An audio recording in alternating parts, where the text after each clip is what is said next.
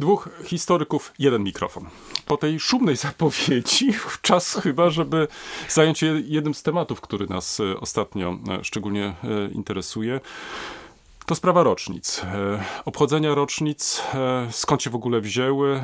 Czy to jest jakaś nasza europejska specyfika, że zajmujemy się tylko przeszłością i w tej przeszłości, hmm, no właśnie, no, czego doszukujemy, czego szukamy, po co w ogóle nam ta przeszłość, po co nam też te e, rocznice. E, pretekstem e, oczywiście jest rocznica zakończenia II wojny światowej i może taka też konstatacja, że mm, obecne mm, epidemia koronawirusa sprawia, że praktycznie musimy chyba jeszcze raz się zastanowić, e, co tak naprawdę robimy z tymi rocznicami, bo proszę zwrócić uwagę, że obchody, które były przewidziane jeszcze w ubiegłym roku, szumnie zaplanowane i tak dalej, tak naprawdę w tym roku nie odbędą się.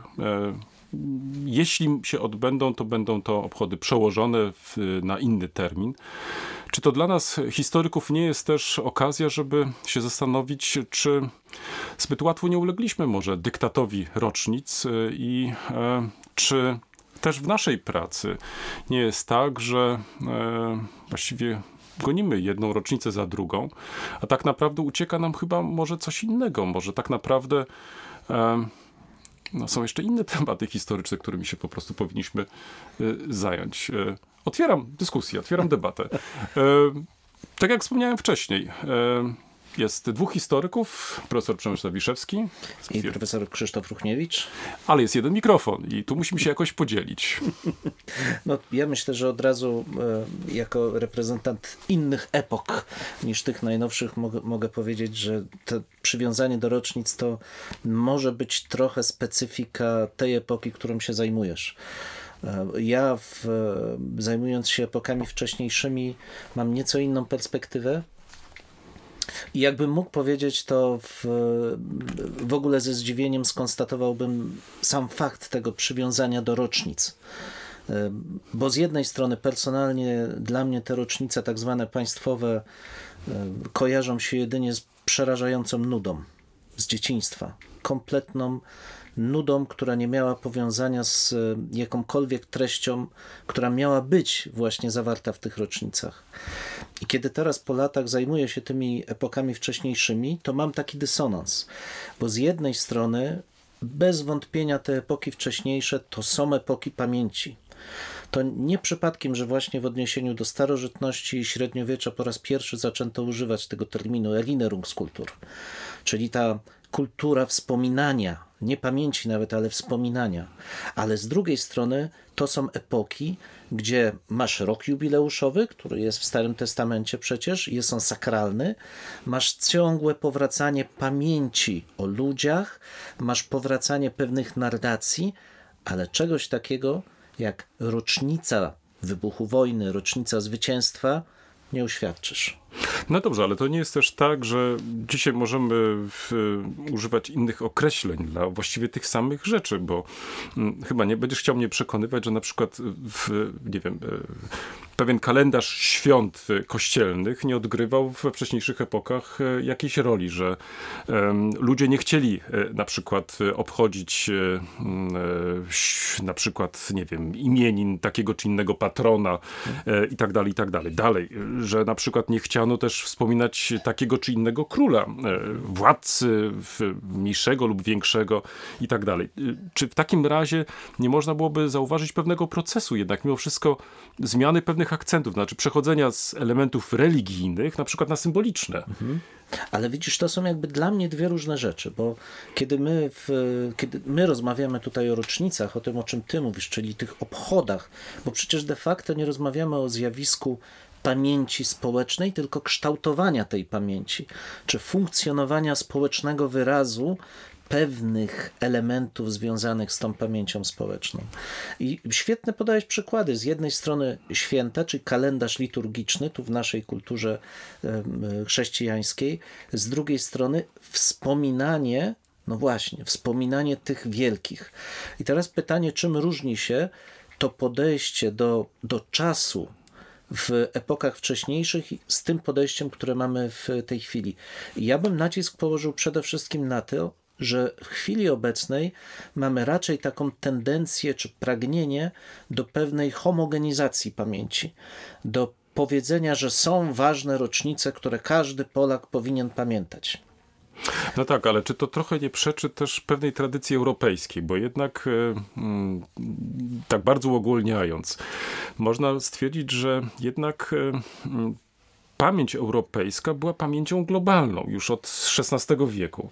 Nie ograniczała się przecież do jednego e, państwa, a raczej obejmowała całą Europę jako taką. I e, to takie patrzenie, myślenie w kategoriach właśnie rocznic raczej chyba w, było czymś ogólniejszym. To znaczy na przykład pamięć o wojnach. To przecież coś, co towarzyszyło nam stale w dziejach Europy. Migracjach e, różnego typu, także przymusowych migracjach. To też nam towarzyszyło i do tego też nawiązywano. Ale popatrz, co robisz. Właśnie powiedziałeś, pamięć Europy. Pamięć dotyczyła, czyli już tym samym ustanawiasz jakąś pewną uniwersalną pamięć. Tymczasem, kiedy spojrzymy, zwłaszcza w tych epokach wcześniejszych, ale ja powiem Ci, że nawet w tej chwili, że ten element, ta warstwa pamięci, oczywiście, że funkcjonuje w obrębie danej formacji kulturowej. Taką była Europa od jakiegoś momentu, przecież nie od zawsze, na pewno nie od Cesarstwa Rzymskiego, gdzieś tam formuje się w okresie średniowiecza, jako pewna jedna wspólnota kulturowa. I to była jakaś cienka warstwa, ale nawet kalendarz liturgiczny jest kalendarzem specyficznym dla diecezji, dla prowincji kościoła, dla konkretnych klasztorów, a nawet pewnych parafii. Mamy, nie mamy czegoś takiego jak taki jeden, czasami wyobraża, jedną, jeden budynek pamięci społecznej. Absolutnie nie. To są warstwy, to są strumienie, to są czasami zatęchłe bajorka, gdzie gdzieś ta pamięć się kumuluje. Ja nie widzę tego i w, właśnie to mnie uderza, żeby pamięć społeczna funkcjonowała jako pewne uogólnienie, pewien metaschemat. Owszem, są różne formy z różnym zasięgiem, z różnymi tematami, ale one się bardzo mocno różnicują. I to, co mnie jakby uderza i co wydaje mi się takim trochę skazanym na porażkę dążeniem ze strony współczesnych inżynierów pamięci, jest próba stworzenia jednej wspólnej dla bardzo dużej grupy społecznej pamięci. No ale ja nie do końca się z tym zgodzę, ponieważ jeśli uwzględnisz e, e, przykładowo ostatnie rozwiązania w kontekście e, komemoratywnym, pamięciologicznym, jeżeli tak brzydko byśmy to określili, e, dom historii e, w, europejskiej, to zwróć uwagę, że e, tam ta próba zmierzenia się ze wspólną pamięcią europejską nie jest próbą ujednolicenia tej pamięci. Tam nie mówi się e, o jednej pamięci europejskiej, tylko o właściwie wielogłosie tej pamięci. Ja to mhm. określam mianem polifonii pamięci, nie kakofonii. Także tutaj mhm. też nie mamy do mhm. czynienia z jakąś taką e, dowolnością, jeżeli chodzi o dobieranie takich czy innych elementów, które na tą pamięć się składają. Ponadto, e, co jest ciekawe w przypadku tej instytucji, to to, że autorzy wystawy, stałej wystawy, nie dokończyli tej wystawy. Jest jedno mhm. piętro, które praktycznie w, nie jest jeszcze zapisane. Tak jak dzisiaj Europa nie jest też zapisana, bo nie znamy tego ostatniego jej akordu, czy też e, ostatniego rozdziału, co ma być tym finalnym jak gdyby e, elementem e, jednoczenia się tego kontynentu. Więc jest to cały czas pewien proces, o którym mhm. rozmawiamy, o którym dyskutujemy.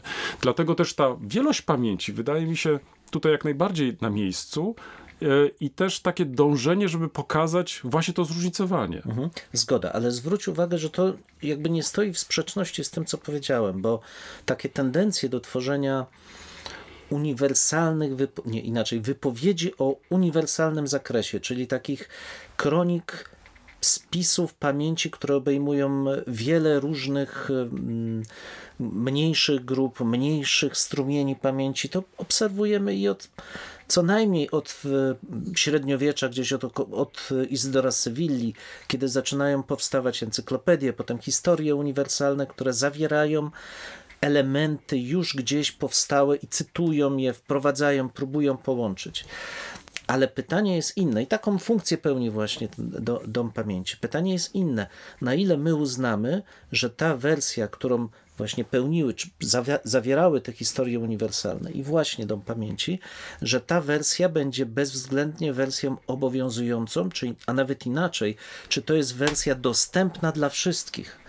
Bo w moment, w którym takie przekonanie w nas rośnie, że w tej konkretnej formie to będzie wersja dostępna dla wszystkich, to moim zdaniem już jest klęska. To znaczy, już w tym momencie zamykamy się na proste doświadczenie, że ludzie potrzebują różnych form przekazu podobnych wartości. No tu zwracasz oczywiście uwagę na bardzo ważną rzecz y, y, i to chyba generalne takie rozróżnienie, co jest tą pamięcią globalną, europejską, wspólną, albo doświadczeniem wspólnym dla nas tutaj e, obecnych, a tym, co właściwie mm, e, różni nas. To znaczy, jeżeli na przykład e, uwzględnimy no właśnie, różnego rodzaju podejście nacjonalistyczne, które jednak jest takim podejściem wykluczającym. Znaczy stawia jednak mimo wszystko to, co moje w, w centrum tego zainteresowania. I czy to nie jest też tak, że właściwie to nasze patrzenie i myślenie w kategoriach rocznic, obchodzenia, pamięci i tak dalej, czy to nie jest twór twór jednak XIX-wieczny, to znaczy w chwili, kiedy zaczęły się tworzyć właśnie te wspólnoty narodowe, które w jakiś sposób starały się definiować, e, określać, e, no też w jakiś sposób wskazywać granice, do których można się po prostu posunąć. Dla jednych to była, nie wiem, dziedzictwo, nie wiem, ziemi, krwi i tak dalej,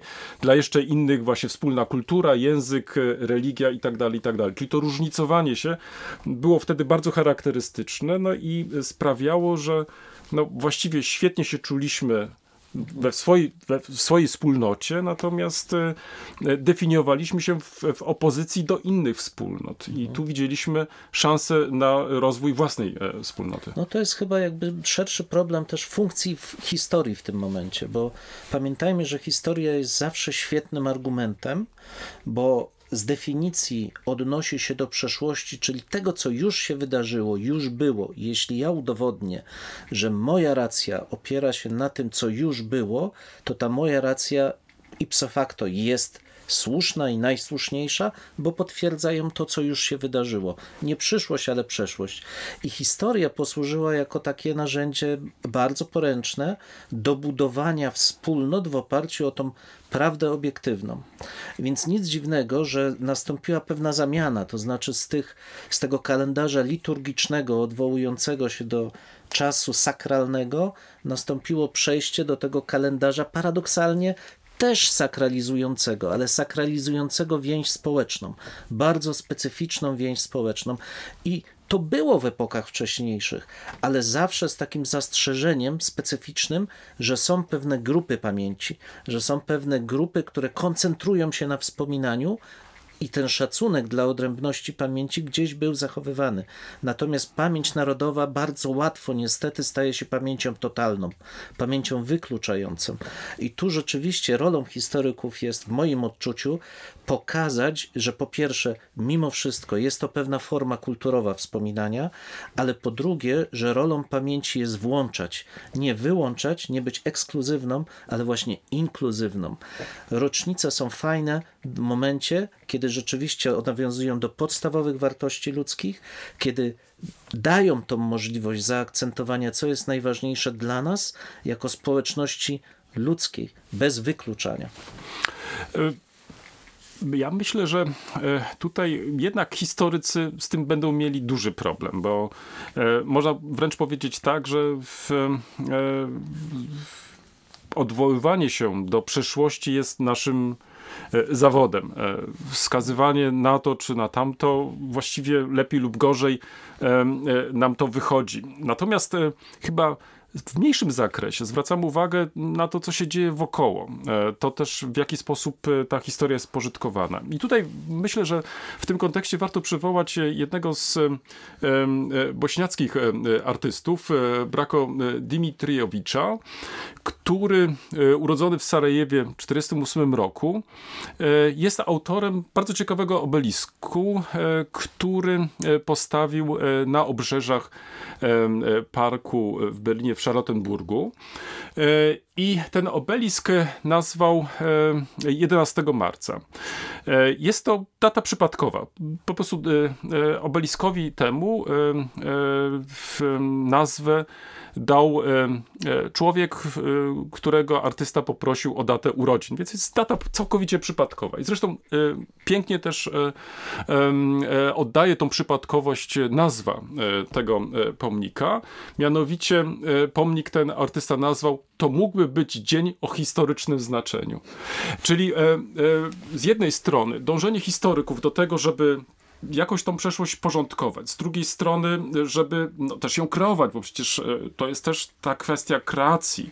Ale z drugiej strony być może właśnie tak taka korekta ze strony właśnie artysty, który pokazuje nam, e, jak w, w, właściwie w jakimś takim e, zwierciadle, e, no może za daleko idziemy jednak w tym wszystkim, bo e, pokazał w sposób prześmiewczy. No ja tak odczytuję też ten właśnie jego, tą jego instalację artystyczną w sposób prześmiewczy, że może za daleko się posunęliśmy y, w tym szukaniu y, rocznic, dat i tak dalej, że tak naprawdę to wszystko już teraz może być tą datą.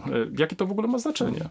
No a z drugiej strony ja widzę ogromną potrzebę społeczną ustanawiania takich węzłów pamięci i z drugiej strony odpowiedzialność historyków za to, jak te węzły będą wyglądać, bo to, co ty pokazałeś, to jest jednak reakcja elitarna pewna, pewnego zniecierpliwienia. Artyści generalnie są ludźmi bardzo czułymi na pewne tendencje społeczne, ale jednak indywidualistami. Natomiast ja przywołam w kontrapunkcie pomnik, który mnie osobiście bardzo fascynuje, często z niego korzystam, przywołując współczesny dyskurs pamięci o przeszłości głębokiej, bo to dotyczy e, średniowiecza polskiego, rok 1000 Pomnik w Kołobrzegu. Powołanie biskupstwa w roku tysięcznym, biskupstwa kołobrzeskiego. Skracając, bo to dość duża instalacja, e, po środku jest e, krzyż, on jest rozdarty, w, w obrębie tego rozdarcia widać e, symbole związane głównie z II wojną światową, ale też z innymi konfliktami zbrojnymi. U góry zwieńczony jest gołębicą Duchem Świętym, który łączy te dwie części krzyża. Po jednej stronie stał w oryginale cesarz Otto III, po drugiej Bolesław Chrobry. Wiadomo, powstanie w roku tysięcznym diecezji. Ale ta oryginalna konstrukcja została uzupełniona po pewnym czasie o dwie jeszcze postaci. Jana Pawła II i Benedykta XVI. Jaki przeskok? Przecież wymowa pierwotna e, była dość e, oczywista. Mamy tu nawiązanie do współpracy dwóch władców, założyciela no, Polski, bardzo ważnego cesarza e, niemieckiego, twórcy idei uniwersalizmu cesarskiego, zwieńczenie krzyża, czyli połączenie dwóch nacji poprzez religię, poprzez sakralność, poprzez współpracę. Wymowa zupełnie historyczna. Nagle dodajemy dwie postaci współczesne.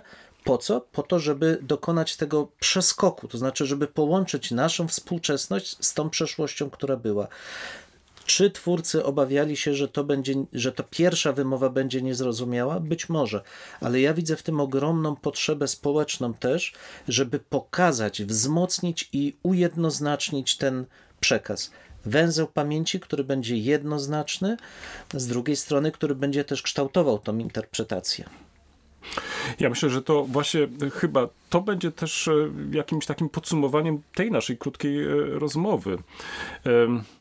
Na pewno potrzebujemy e, rzeczy, które będą nam tłumaczyć przeszłość i w sposób taki, żeby ona była dla nas zrozumiała. I tak też interpretuję pojawienie się obu tych postaci. Czy one w, w dobrym miejscu zostały e, e, umieszczone? Pewnie tak, zdaniem autorów, ponieważ one tworzą pewną kontynuację od właściwie najdawniejszych epok po współczesność i uzmysławiają nam, no, jeżeli tak to mogę interpretować, że w, w, te relacje polsko-niemieckie e, no, właściwie e, mogły się układać bardzo dobrze, skoro symbolami właśnie są e, tutaj i Polak, i e, Niemiec. To, co było po drodze, to właściwie chyba specjalnie nikogo nie interesowało i tym elementem łączącym jest ten Duch Święty.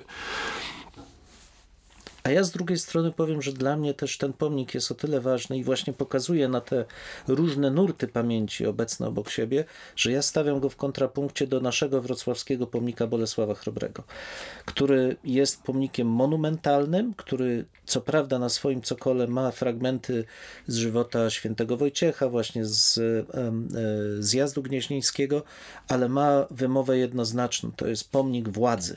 Pomnik władzy, władcy, który dominuje, gdzie wszystkie inne aspekty są zepchnięte na plan dalszy. Więc te same zjawiska historyczne mniej więcej w tym samym czasie generują zupełnie odmienne na gruncie rocznic, zupełnie odmienne ciągi pamięciowe, pokazują zupełnie odmienne wartości. Ale tu już podejmujesz inny wątek e, tego, w jaki sposób kształtujemy nasze wyobrażenia o narodzie, o e, naszym byciu w Polsce, w Europie. Ja myślę, że to tych spraw e, pewnie nieraz jeszcze będziemy tak podczas naszych rozmów wracać. Proszę Państwa, w tym momencie powinniśmy postawić jednak mimo wszystko kropkę. Dwóch historyków, jeden mikrofon. Będziemy ciekawi Państwa reakcji. Proszę o nich e, e, pisać e, czy to na naszych blogach, czy też w innych miejscach.